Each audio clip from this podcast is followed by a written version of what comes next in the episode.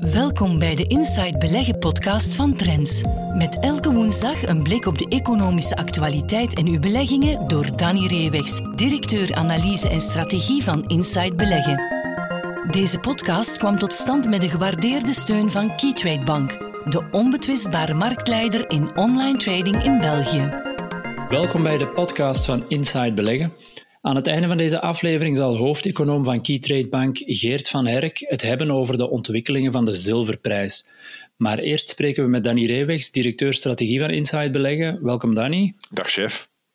Nu Danny, jij hebt de plannen van de nieuwe regering voor een nieuwe effectentax eens bekeken. Uh, misschien om mee te beginnen, welk voorstel ligt er momenteel op tafel? Ja, de bedoeling is dus inderdaad een nieuwe effectentax in te voeren, waarbij dus effectenrekeningen zouden getroffen worden van uh, minimum 1 miljoen euro. Het tarief uh, dat zou 0,15% zijn, jaarlijks te betalen.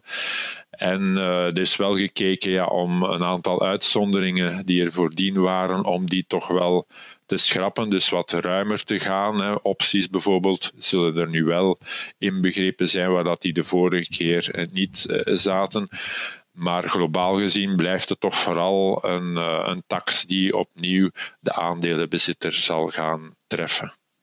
Ja, want het is niet de eerste keer dat, uh, wel deze regering, maar de vorige regeringen hebben het ook al geprobeerd. In, hoe verschilt dit voorstel van alle vorige ja, voorstellen? Ja, er is ooit na de, de, financiële crisis ja, en de grote geldbehoefte van de overheid gezegd, ja, we kunnen niet meer belasten op arbeid, dat is al te veel belast in België en daar moeten we wat minder en moeten we meer naar andere zaken zoals milieu en kapitaal. En dan heeft men uh, ja, eerst een rijke tax geprobeerd, nu ja, dat is heel snel afgevoerd geweest. Dan een speculatietax, hè, het principe van een meerwaardebelasting uh, invoeren, waarbij ja, als je tussen uh, binnen de zes maanden kocht en verkocht, dat je dan een meerwaardebelasting van 33% op je winst moest betalen en je minwaarde mochten niet aftrekken.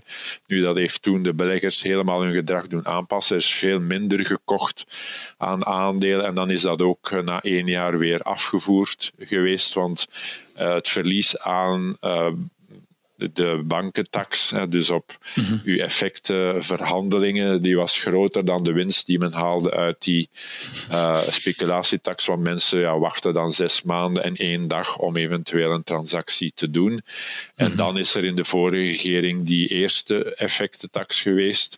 Daar was het nog de drempel van 500.000 euro per effectenrekening. Tarief was ook 0,15. En daar waren dan wel heel wat uitzonderingen. Aandeel op naam, dat is nu ook nog, hè, om, om de mensen zelfstandigen met een vennootschap, om die niet te, te treffen.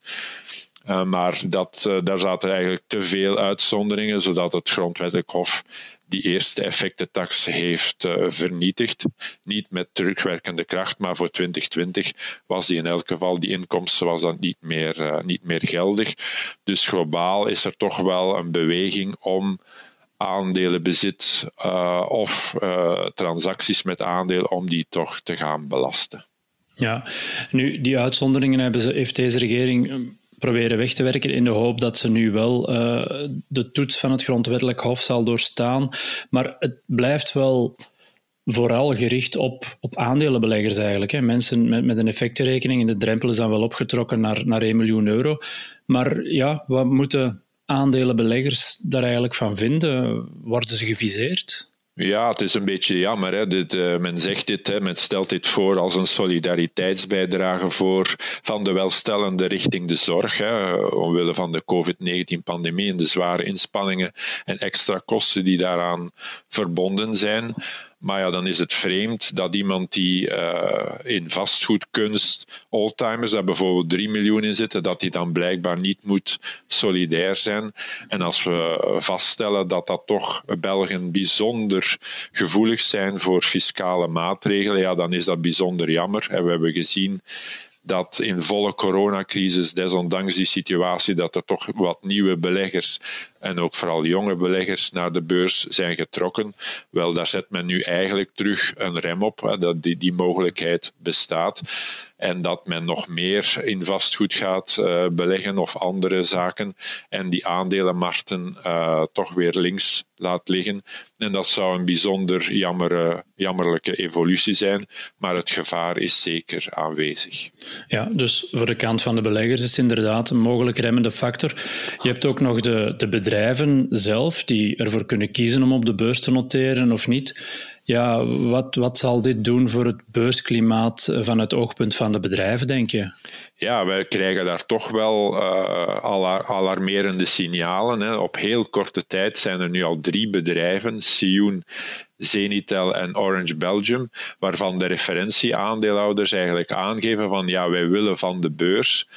Uh, want ja, de, de, de lasten, de kosten, die wegen uh, veel te zwaar door ten opzichte van de lusten, ten opzichte van het, het, nut dat we hebben van die beursnotering. Hè, want door het beleid van de centrale banken is het geld bijzonder goedkoop, is ook ruim aanwezig. Dus uh, die bedrijven, die beursgenoteerde bedrijven, hebben eigenlijk de beurs niet meer echt nodig om kapitaal op te halen. Ze kunnen obligatieuitgifte doen, ze kunnen langsgaan bij de bank die klaar staat met geld.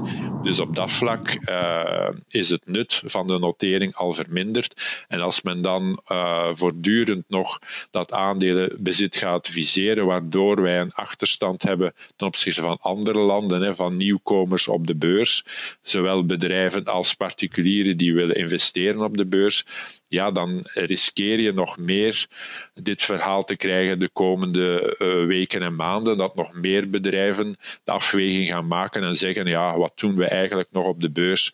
We zouden een be beter een delisting doen.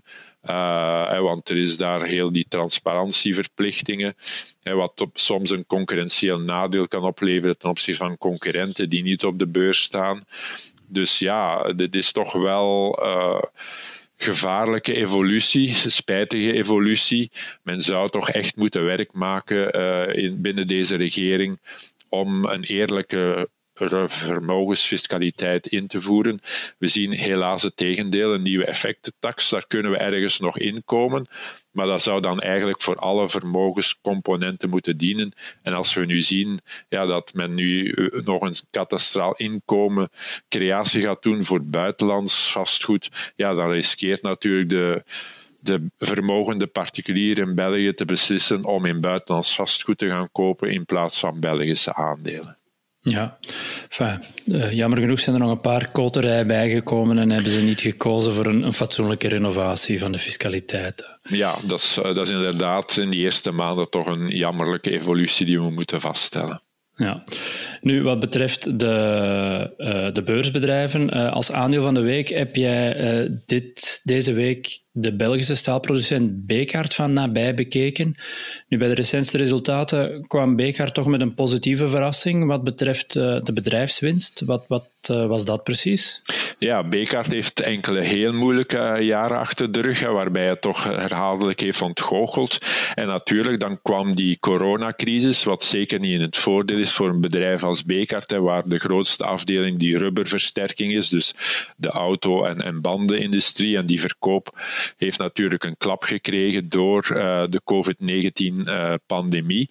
en toch lijkt 2020 eh, geen slecht jaar te zullen worden voor Bekart, zelfs eerder een kanteljaar, waarbij ze nu, uh, naar aanleiding van de cijfers over het derde kwartaal, hebben gezegd van kijk, onze bedrijfswinst, onze EBIT in 2020, die zal niet lager, niet echt lager liggen dan vorig jaar. En dat is toch wel een serieuze, aangename verrassing. In die zin dat in de eerste jaarhelft de omzet met 20% was teruggevallen. Toen zagen we al hè, dat de bedrijfswinst vrij goed stand hield. Maar met het omzetherstel hè, na de uh, eerste lockdown en de heropening van de economie, zien we inderdaad dat die uh, winstgevendheid toch wel is opgekrikt bij Bekaart. Ja, en hoe is het daarin geslaagd om, om die winstgevendheid hoog te houden, ondanks de effecten van de coronacrisis? Ja, men heeft er toch wel hard ingezet op, uh, op meer efficiëntie. we hebben recent nog het nieuws gekregen dat, uh, dat er toch wel ja, duidelijk gekeken wordt van wat is de toekomst en waar gaan we eventueel saneren. En dat is ook wel gebeurd. En anderzijds heeft uh, Bekaert inderdaad heel zijn productportfolio onder de loep genomen en gezegd van kijk, we moeten nog meer dan in het verleden inzetten op producten met hogere toegevoegde waarde, waar dat de marges hoger liggen, hè, waar dat we meerwaarde kunnen leveren en meer standaardproducten, ja, daar kunnen we niet meer op tegen die internationale concurrentie uit Azië en Latijns-Amerika. Dus die oefening is gedaan en dat begint nu, zelfs in een moeilijk jaar als 2020, zijn vruchten af te werpen. Ja, ja, ja. En eh, ik las ook, ze hebben een deel kostenbesparingen gedaan. Dat was dan uh, specifiek als reactie op de coronacrisis. Maar dat zal ook wel blijvend effect hebben. Ja, dat is eh, heel belangrijk, hè, dat dat structurele ingrepen zijn. Hè, dat men niet alleen heeft gekeken van ja, hoe kunnen we onze kosten verminderen in dit lastig jaar 2020, maar ook dat die uh, kostenbesparingen werkzaam blijven uh, op, op langere termijn en dat dat ons een betere uitgangspositie heeft voor de, de komende jaren. Ja, en nu, wat was de, de, reactie van de beurs op de recente resultaten en de ja, strategische ommezwaai, om het zo maar te zeggen, die, die Bekaert um, de laatste jaren gevoerd heeft? Ja, de, de markt was heel aangenaam verrast. Had, had, niet, had dit niet echt zien aankomen dat die resultaat, uh, bedrijfswinst in 2020 nog gelijk zou kunnen zijn of in de buurt zou kunnen liggen van vorig jaar. Alle analisten en beleggers hadden duidelijk rekening gehouden met een lagere winst. Die is niet gekomen. Er was natuurlijk het algemeen enthousiasme op de beurs hè, sinds het gunstig nieuws over de werkzaamheid van de vaccins en de uitslag van de Amerikaanse presidentsverkiezingen. Maar Bekaert heeft daar dan nog een extra tintje bovenop uh, kunnen doen. En dat heeft het aandeel toch wel in de kijker gezet. Vandaar dat we het ook gekozen hebben om te bespreken. Ja, en tot slot, hoe zit het met uh, waardering en balans? Want uh, voordien heeft toch een, een redelijke periode gekant met, met een wat hogere schuldgraad. Hoe is dat geëvolueerd? En hoe is de waardering geëvolueerd uh, gezien de recente, het recente koersherstel? Ja, daar hebben we ook extra goed nieuws eh, gekregen, maar dat hangt natuurlijk sa samen. Als je je rendabiliteit, je winstgevendheid kunt opkrikken, ja, dan kun je ook beter werk maken van de afbouw van je, van uw schuldgraad. En daar zien we toch dat de, de netto schuld uh, in termen van de bedrijfskasstroom in een moeilijk jaar verder is gezakt van 2,5 keer naar 2 keer. En dat dus het bedrijf verder werk maakt van die schuldenafbouw en wil gaan naar een schuldgraad van anderhalf keer uh, de bedrijfskasstroom. Dus dat is echt wel in orde. Hè. Uh, industriële bedrijven 3,5, 4 keer de bedrijfskasstroom als schuld, dat, dat kan, dat is nog aanvaardbaar. En daar zit Bekaert al ver onder. Dat betekent betekent ook ja, dat uw bedrijf financieel weerbaar is in deze crisisomstandigheden, want de crisis is nog niet volledig achter de rug. Er zal nog een impact zijn van de pandemie, ook nog in de eerste maanden van volgend jaar, maar daar moet Bekaert dan toch niet echt uh, schrik hebben. En dan zien we ja, dat uh, de waardering toch nog altijd uh, vrij aantrekkelijk is. Twaalf keer de, de winst wordt ongeveer betaald. Gezien de, de verbeteringen die Bekaert allemaal heeft doorgevoerd de afgelopen tijd, is dat e-, nog niet echt duur gewaardeerd. Ja, dus het wordt de komende maanden uitkijken of de, dat margeherstel en die strategische omslag ook, ook duurzaam zijn op de lange termijn. Ja, dat is inderdaad denk ik wel belangrijk, maar ik vermoed toch wel dat we mogen spreken van een positief kanteljaar 2020 en dat we echt daar de, de omslag gemaakt hebben. Hè, dus dat, en dat BK toch nu staat voor een aantal betere jaren. Oké, okay, perfect. Je bent heel hard bedankt voor jouw tijd en inzichten en graag tot volgende week. Graag gedaan en tot dan.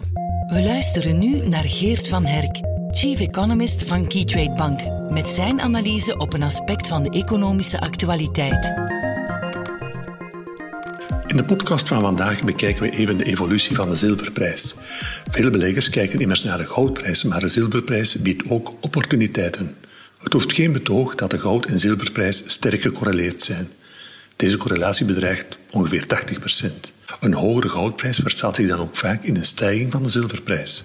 Maar uit onderzoek blijkt dat wanneer de goudprijs stijgt, de zilverprijs harder stijgt. Niet onbelangrijk om te weten, want zelfs al beleg je uitsluitend in goud, een beetje diversificatie met bijvoorbeeld een belegging van 5 tot 10 procent in zilver kan extra rendement opleveren. Naast de correlatie met de goudprijs zijn er nog enkele variabelen die een grote invloed uitoefenen op de prijsontwikkeling van zilver. We bespreken kort de drie belangrijkste. Ten eerste de evolutie van de industriële productie, ten tweede de ontwikkeling van de zilvervoorraden en ten derde de investeringen van de grote mijnbouwbedrijven. Dat de wereldeconomie aan een sterk herstel bezig is, hebben we in deze podcast al vaker gezegd. Een belangrijke variabele voor de evolutie van de zilverprijs is de ontwikkeling van het internationale producentenvertrouwen in de industrie. Dat vertrouwen wordt uitgedrukt door de JP Morgan Global Manufacturing PMI-index. Deze index noteert al een aantal maanden boven het cruciale niveau van 50 punten, wat op expansie wijst. Zilver is een edelmetaal dat vooral in de industrie gebruikt wordt. Denk hierbij bijvoorbeeld aan agfagewaard, waar het een van de belangrijkste grondstoffen voor is. We gaan ervan uit dat de wereldeconomie ook in 2021 op een hoog toerental blijft draaien, wat een positieve invloed op de zilverprijs moet hebben. We vergeten ook niet dat zilver gebruikt wordt in een aantal sectoren die voor een periode van hoge structurele groei staan. We denken hierbij aan 5G-telecomnetwerken, elektrische wagens en zonnepanelen. Een volgende prijsvariabele is de ontwikkeling van de zilvervoorraden. Het spreekt voor zich dat hogere voorraden negatief zijn voor de evolutie van de zilverprijs. De meest recente statistieken tonen aan dat er meer en meer zilver aanwezig is, nadat eerder dit jaar er een dip was in de voorraden door de coronacrisis. Wegens de lockdown en de regels rond social distancing was het moeilijker om zilver te winnen en groeiden de voorraden niet aan. Nu zien we dat de herneming van de productie in de mijnen tot hogere voorraden aan het leiden is. En tenslotte zijn er investeringen van de mijnbouwers. Zilver is vaak een bijproduct tijdens het opgraven van andere grondstoffen. Het is logisch dat meer investeringen zullen leiden tot meer productie en dus eerder een negatieve variabele is voor de zilverprijs. Ook hier verwachten experts dat de mijnbouwgroepen de komende tijd meer zullen investeren omdat de wereldeconomie het goed doet. Dat zal voor meer zilver zorgen. Maar dat is nog niet direct voor 2021, omdat er toch wel wat tijd verloopt tussen de aankondiging van nieuwe investeringen en het effectief op de markt komen van nieuwe productie. Gewoonlijk duurt het zo'n 18 maanden voor een investeringsproject echt op gang komt. Op basis van al deze variabelen denken we dat zilver goed kan presteren in 2021. De goudprijs zit nog steeds in een stijgende trend en de wereldeconomie draait op een hoog toerental. Er kan wat tegenwind zijn van hogere voorraden en nieuwe mijnbouwinvesteringen, maar deze laatste variabelen zullen naar onze mening maar een kleine tegenwind betekenen voor de zilverprijs. De vooruitzichten voor het zilver blijven dus goed. Tot zover deze aflevering van de Inside Beleggen podcast. Meer tips, advies en analyses voor uw beleggingen leest u morgen in Trends. Volgende week zijn we er opnieuw. Deze podcast kwam tot stand met de gewaardeerde steun van Keytrade Bank, de onbetwistbare marktleider in online trading in België.